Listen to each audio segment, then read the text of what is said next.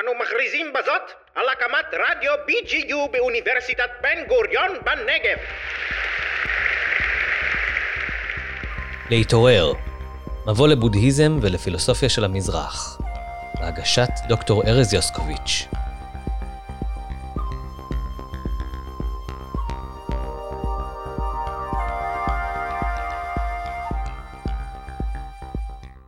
שלום לכם. בפרק הכפול שלפנינו, מבקש להציג בפניכם את אחת האסכולות המרכזיות בזרם המעיינה, היוגצ'ארה. מכיוון שמדובר באחת האסכולות המורכבות ביותר בפילוסופיה הבודהיסטית, הזמנתי לאולפן שחקן חיזוק, את דוקטור רועי צוהר.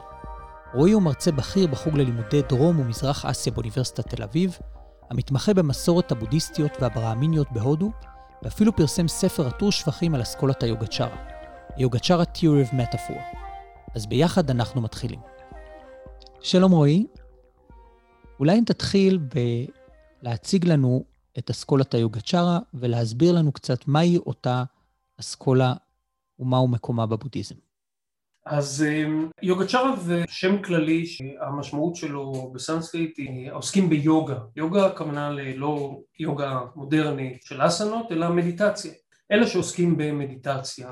אה, בודהיסטית ואנחנו מוצאים את הכינוי הזה מאוד מאוד מוקדם הוא לא מתייחס לאיזשהו זרם מחשבה אלא מציין נזירים שתחום ההתמחות שלהם הוא מדיטציה. בניגוד למה שמקובל לחשוב לא כל הנזירים עסקו במדיטציה ולא באותה דרגה של עומק.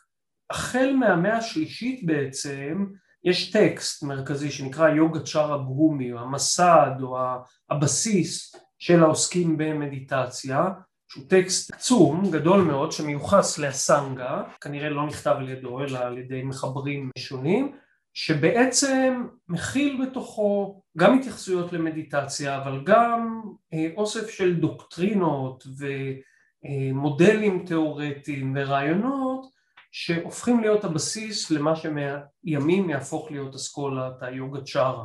והאסכולה הזאת אה, מקבלת תאוצה עם הוגים כמו הסנגה וווזובנדו, שכנראה חיו במאה הרביעית חמישית לספירה, וחיברו טקסטים פילוסופיים בז'אנרים חדשים שעד אז לא נראו בהודו, נרחבים וקצרים יותר, והפרשנים שלהם שמגיעים יותר מאוחר במאה השישית והמאה השביעית.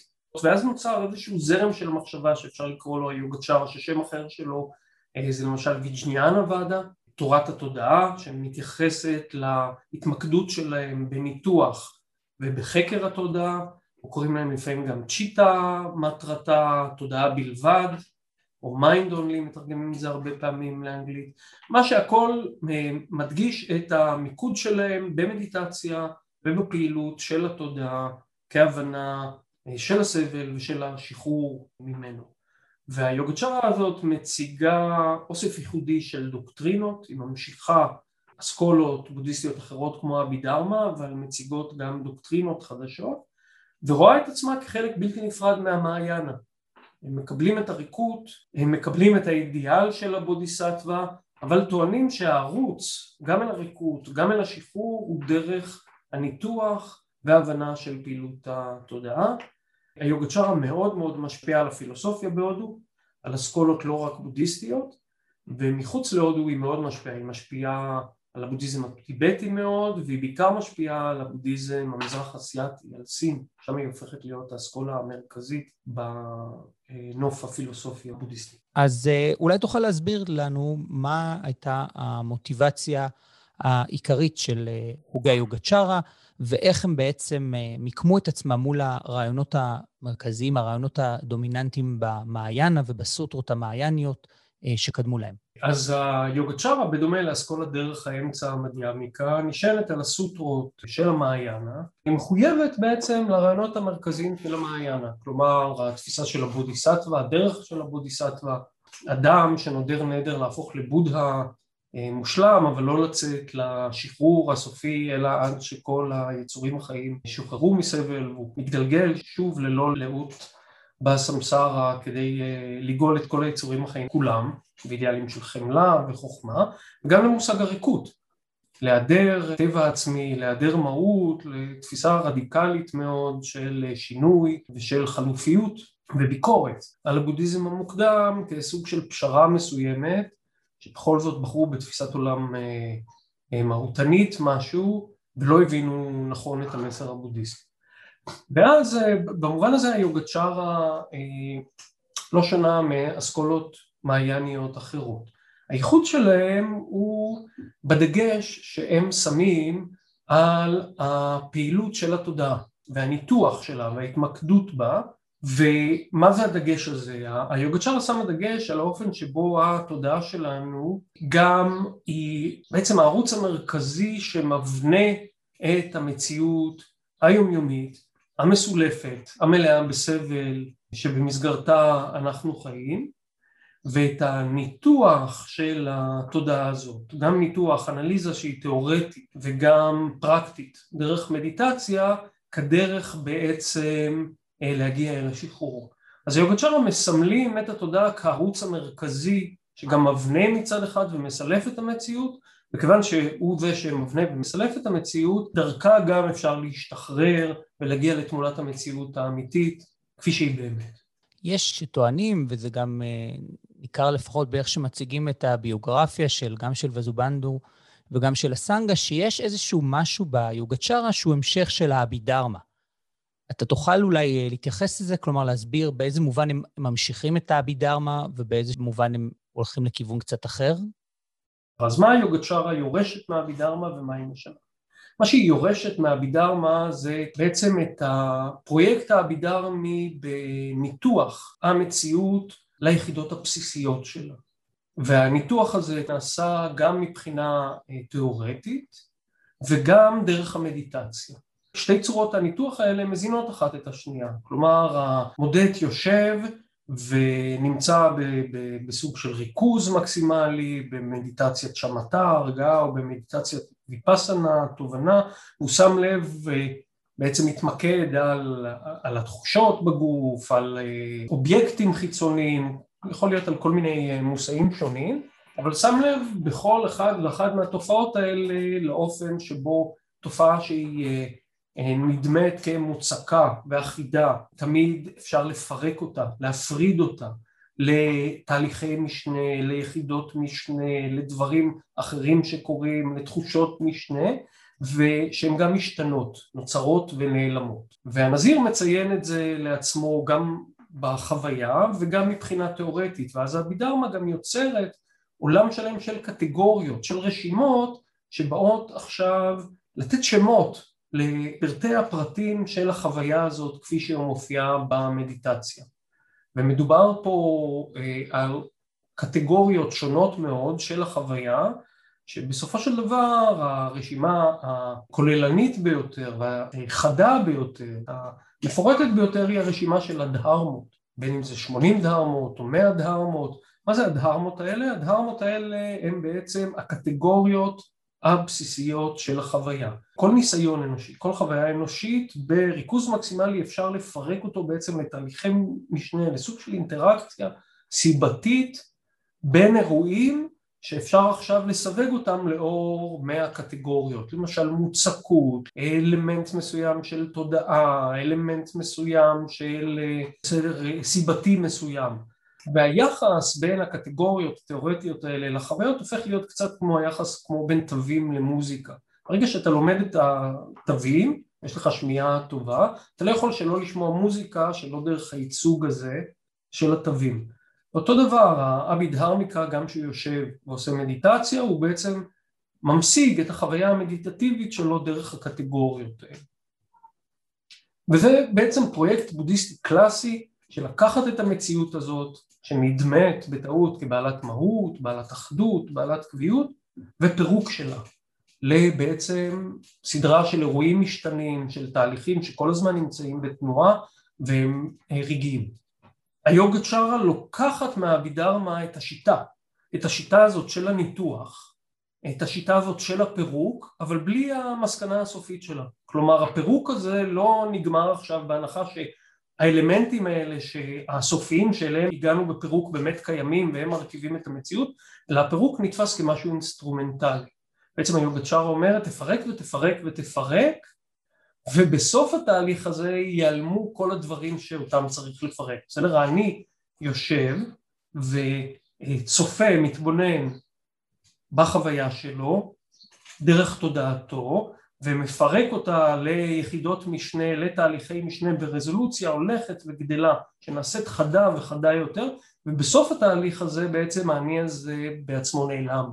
הוא לא מוצא את המהות שלו, הוא לא מוצא את הגרעין שלו, הוא בעצם מפרק את עצמו לדעת, אם תרצו. והיוגצ'רה, עוד החידוש שלה, ושהיא לוקחת ואומרת, עיקר הפירוק הזה בעצם צריך לעשות על הפעילות התודעתית שלנו. כיוון שבסופו של דבר הכל נתפס, הכל הוא תודעתי. אז בעצם אם אנחנו אה, אומרים ככה באיזשהו היילייט שהיוגצ'רה הם מתרכזים בקוגניציה, הם מנסים להבין איך ההכרה שלנו פועלת, הם מאמצים מהבידרמה את השיטה, את שיטת הניתוח הזאת, שבעצם מתבססת על המדיטציה, שבה אנחנו בעצם מפרקים ומפרקים את התודעה, אבל הדגש שהם מביאים פה לעניין זה שבעצם הם אומרים שכל מה שאנחנו יכולים להתייחס אליו הוא קוגניציות, הוא איזה שהם אה, רישומים, ולא אובייקטים שממש קיימים במציאות. רשמים מנטליים, כן. שני דברים אני, אני יכול בעצם אה, להוסיף על זה, דבר אחד ש... אז כן, הם לוקחים מהאבידר את השיטה, אבל הם לא לוקחים את הנקודה הסופית. בסדר, הם מציגים את אותה תובנה שנמצאת כבר בבודהיזם המוקדם, אבל המעיין המאוד מדגישה אותה, שהתורה הבודהיסטית היא אינסטרומנטלית. היא לא משהו להאחז בו, לא משהו להפוך אותו עכשיו לתמונת עולם מטאפיזית, אלא היא נועדה בעצם לפרק את התמונה המסולפת של המציאות ולא עכשיו לאושש אותה כתמונת עולם חדשה. אז הפירוק התודעתי הזה לא נועד עכשיו למצב את התודעה כמה שקיים באמת, אלא הוא נועד בעצם אה, לפרק את תפיסת המציאות שלנו, שבסופו של דבר יש את השחרור ואת תפיסת המציאות כפי שהיא, שהיא לפי היוגה צ'ארה בלתי ניתנת להבעה או לתיאור. אפשר להגיד עליה שום דבר, אפשר לחוות אותה. אבל מבחינה פילוסופית, כיוון שהם אומרים כל דבר שאנחנו תופסים אותו, התופעה, עולם התופעה מסביבנו, אנחנו מדברים על סובייקטים, על אובייקטים, על מציאות חיצונית לי, על תחושות פנימיות שלי, אנחנו עושים את כל ההבחנות האלה. אבל אם אנחנו מסתכלים היטב, גם מבחינה אנליטית פילוסופית וגם מבחינה מדיטטיבית, אנחנו רואים שכל מה שיש לנו בעצם זה רשמים קוגניטיביים ותמונות מנטליות.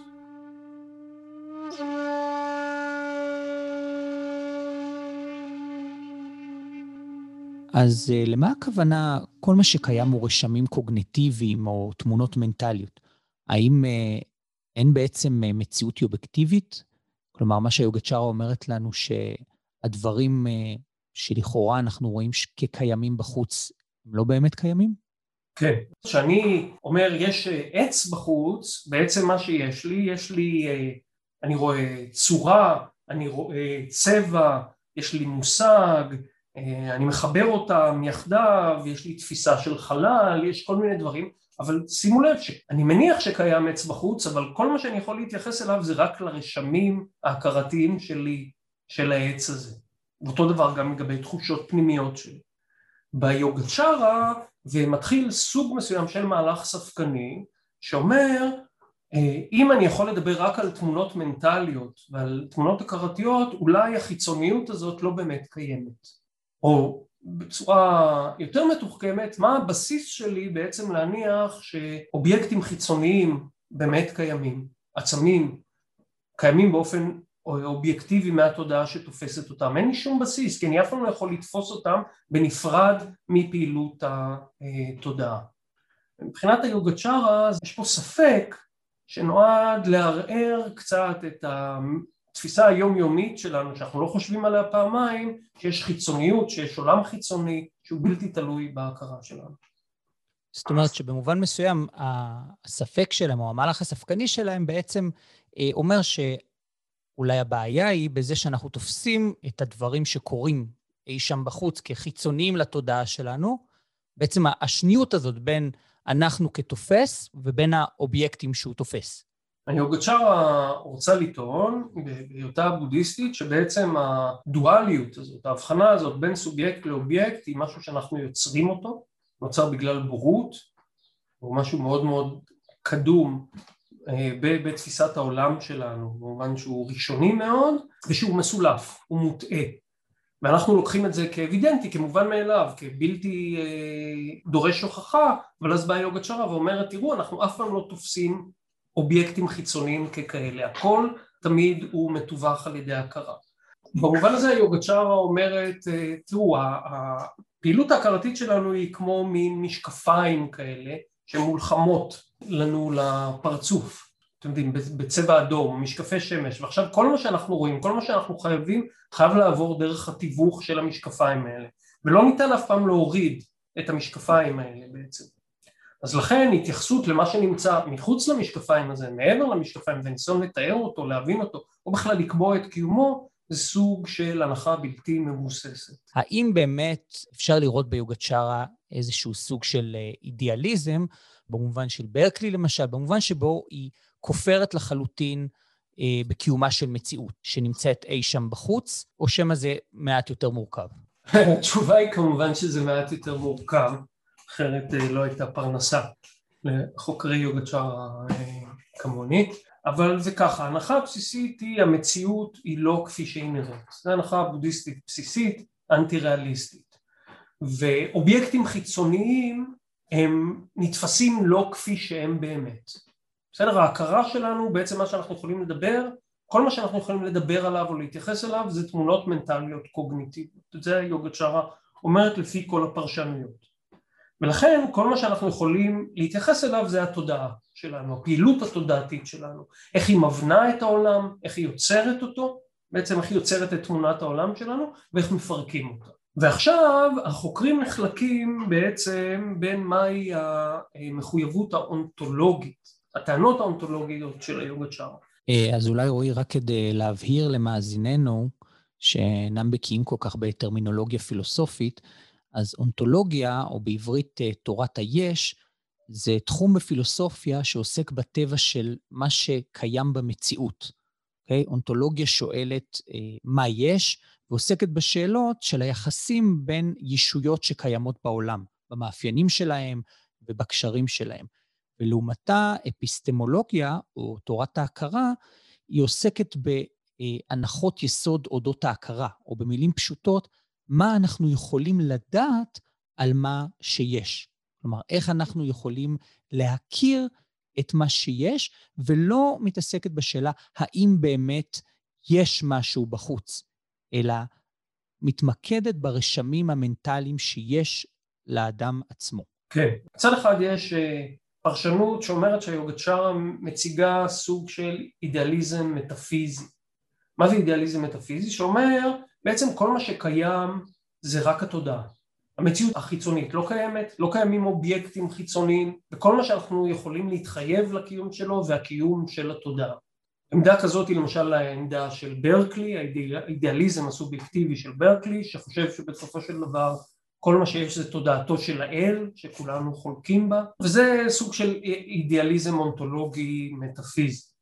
מול הפרשנות הזאת יש פרשנות אחרת, יותר מינימליסטית, שאומרת שכיוון שאנחנו לא יכולים להכיר חיצוניות, את המציאות החיצונית ככזו, כל מה שאנחנו יכולים לדבר עליו או להתייחס אליו זה בעצם התכנים ההכרתיים שלנו, ואנחנו אה, נשארים בלתי מחויבים לגבי מה נמצא שם מעבר לתכני התודעה שלנו.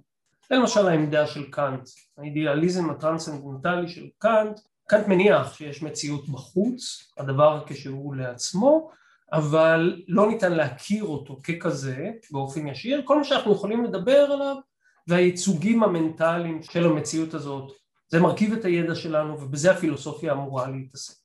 היוגה צ'ארה לפי הפרשנות הזאת בעצם אה, לא תניח שיש מציאות חיצונית, כמו שאמרתי היוגה צ'ארה אומרת אה, שאת המציאות כפי שהיא באמת אי אפשר לאפיין אותה, אי אפשר להביע אותה, אבל את הטענה שלה שבעצם הכל תודעה או שצריך להתמקד בתודעה מבינים אז לא כטענה אונתולוגית, צ'ארה לא טוענת שהכל רק תודעה, אלא בעצם אה, כטענה אינסטרומנטלית. אנחנו מתמקדים בתודעה כי זה הדרך שלנו לפרק את המציאות, להסיר את הטעות, וברגע שהסרנו את הטעות אז אנחנו לא אומרים שמה שקיים זה התודעה, אלא בעצם מה שקיים זה המציאות שהיא עצמה לא תודעתית ולא אנטי תודעתית, לא סובייקט ולא אובייקט, אלא משהו שאי אפשר להביע אותו. זה סוג של ויכוח אה, עתיק מאוד לגבי הבודהיזם, מה המעמד של התורות הבודהיסטיות עצמן. האם הם בסופו של דבר יש בהן משהו מינימליסטי שאפשר להאחז בו ולחייב אותו, או שהם בעצם רק רפסודה כזאת שנועד להעביר אותך לצד השני של נהר הסבל ואז צריך לזנוח אותה. אז הגישה הפרשנית הראשונה אומרת העיסוק הזה בתודעה הוא בעצם בסופו של דבר ממקם את התודעה ומייצב אותה כמציאות האולטימטיבית, העליונה, הסופית, האמיתית. הגישה הפרשנית השונה אומרת לא, זה רק דרך, זה רק אמצעי, בסופו של דבר נפטרים גם מתמונת המציאות הזאת לטובת המציאות כפי שהיא, שאותה אי אפשר להביע במילים או להפעיל אותה. אז בעצם כאן אתה סיכמת לנו בעצם את הפרויקט הפילוסופי, פחות או יותר, אה, של היוגצ'ארה, כלומר, את הטענה שלה לגבי המציאות והיחס שבין התודעה לבין המציאות, כלומר, אי היכולת שלנו להכיר את המציאות, איזושהי מוגבלות מסוימת שיש לנו, בין אם המציאות קיימת או לא קיימת, אה, מה שיש לנו זה רק רשמים של המציאות בתודעה שלנו. וכאן אני בעצם רוצה קצת לכוון אותך יותר אה, לכיוון הפן הפסיכולוגי של היוגצ'אר. אז התורה היוגצ'ארית היא, היא מציגה אה, מודל מאוד מאוד מורכב ומאוד מאוד מעניין של, אה, של מבנה התודעה. היא מציעה הסבר מדוע אנחנו תופסים את העולם כ, ככזה, זאת אומרת, כנמצא בחוץ, איך התודעה שלנו פועלת על מנת ליצור את השניות הזאת שבין סובייקט ואובייקט. האם תוכל אה, להתייחס לזה? אה, במודל הפסיכולוגי של לידי ביטוי האיחוד של היוגה צ'ארה, שהוא ייחודית לא רק בנוף הפילוסופי הבודהיסטי, אלא בכלל בהודו וגם אה, בעולם העתיק, כיוון שהיוגה צ'ארה למשל, זה הפעם הראשונה בהיסטוריה האנושית, בערך במאה הרביעית לספירה, שיש לנו שם הנחה שחלק גדול מהפעילות התודעתית שלנו היא לא מודעת, היא סבלימינלית. כלומר, יש מודל, היוגצ'אר נותנים, מספקים מודל של פעילות התודעה, מודל עומק של האופן שבו התודעה פועלת בזמן, וחלק גדול מהמודל הזה בעצם מייחס לה תפקודים שהם קיימים, אבל שהם לא ניתנים אה, לתפיסה ביומיום. שהם סבלים... אנחנו לא מודעים אליהם. כן, בסדר, הנה אם אתם אה, רוצים, מופיע פעם ראשונה בהיסטוריה האנושית הרעיון של התת מודע. אבל לא רק במובן פסיכולוגי של תהליכים אה, פסיכולוגיים, אלא גם במובן של תהליכים הכרתיים. והיוגצ'רה מציגה את המודל הזה, שזה המודל שהם קוראים לו ויג'ניאנה פרינמה, המודל של השינוי התודעה, הטרנספורמציה של התודעה, זה בעצם איזשהו דימוי כזה של פעילות תודעתית שכל הזמן משתנה ומשנה את עצמה בו בזמן ומבנה את המציאות שלנו והם מציגים אותו כמו בודהיסטים טובים משני הכיוונים ומהאמצע. זאת אומרת אפשר, אפשר תלוי מאיפה אה, אנחנו רוצים להתחיל, אפשר להתחיל מהבסיס ואפשר להתחיל מהקצה. מה זה הקצה? הקצה זה העולם כמו שאנחנו מכירים אותו אה, ביום יום. שוב, זו אינטואיציה בודהיסטית מאוד מאוד בסיסית, מאיפה אנחנו מתחילים? אנחנו מתחילים ממה שאנחנו יכולים לעבוד איתו. עם מה אנחנו יכולים לעבוד איתו בראש ובראשונה? עם הסבל ועם הבורות.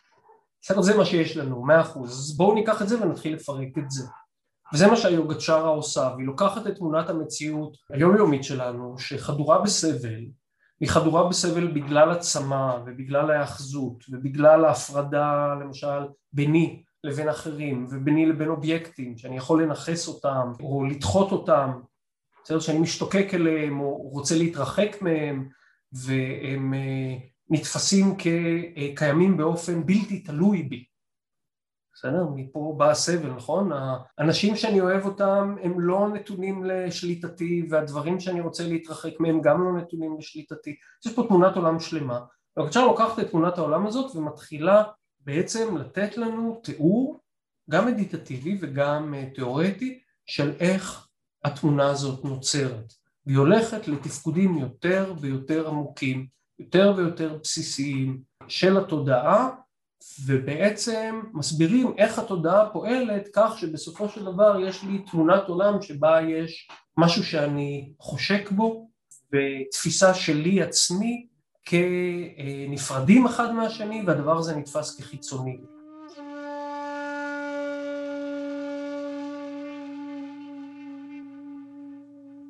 אז בעצם היוגצ'רה מציגה מודל ומסבירה את הפעילות התודעתית ככה שנוצרת תמונת העולם המוטעית שלי שבה אני תופס את עצמי כסובייקט נפרד מאובייקטים שנתפסים כחיצוניים לי וכבלתי תלויים בי כסוג של הבניה, של סילוף של התודעה שלי. ואיך הסילוף הזה שונה למעשה מה, מהאופן שבו הבודהיזם מציג אותו? מה הוא מוסיף למודל הבודהיסטי שמוצג באופן קלאסי? הוא קודם כל מתמקד בתודעה, נותן אה, סיווגים וקטגוריות חדשות לפעילות תודעתית. אז מעבר לפעילות התודעתית היומיומית שלנו, יש איזה מודל של שמונה סוגים של תודעות שונות.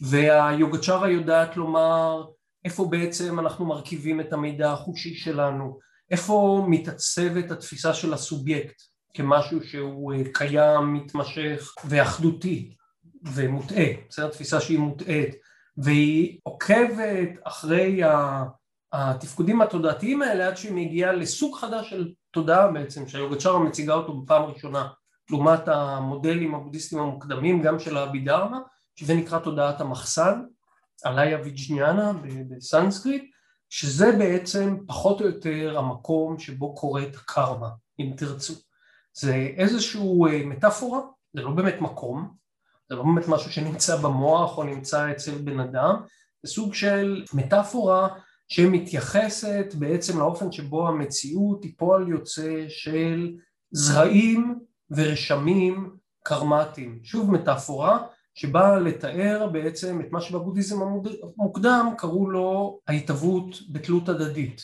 האופן שבו אירועים שונים פועלים אחד על השני באופן סיבתי ויוצרים את המציאות כפי שאנחנו מכירים אותה והחידוש של היוגה צ'ארה זה שהיא אומרת קודם כל הדבר הזה נעשה באופן תודעתי ונותנת שם ואפיון לתפקוד התודעתי שבו זה קורה היא מציגה סוג של מסע פנימי עמוק מאוד לתוך נבחי התודעה, איזושהי צלילה כזאת אל בעצם הפעילות הראשונית ביותר של התודעה, ושם היא מוצאת את המושג של ההתהוות בתלות הדדית הבודהיסטית.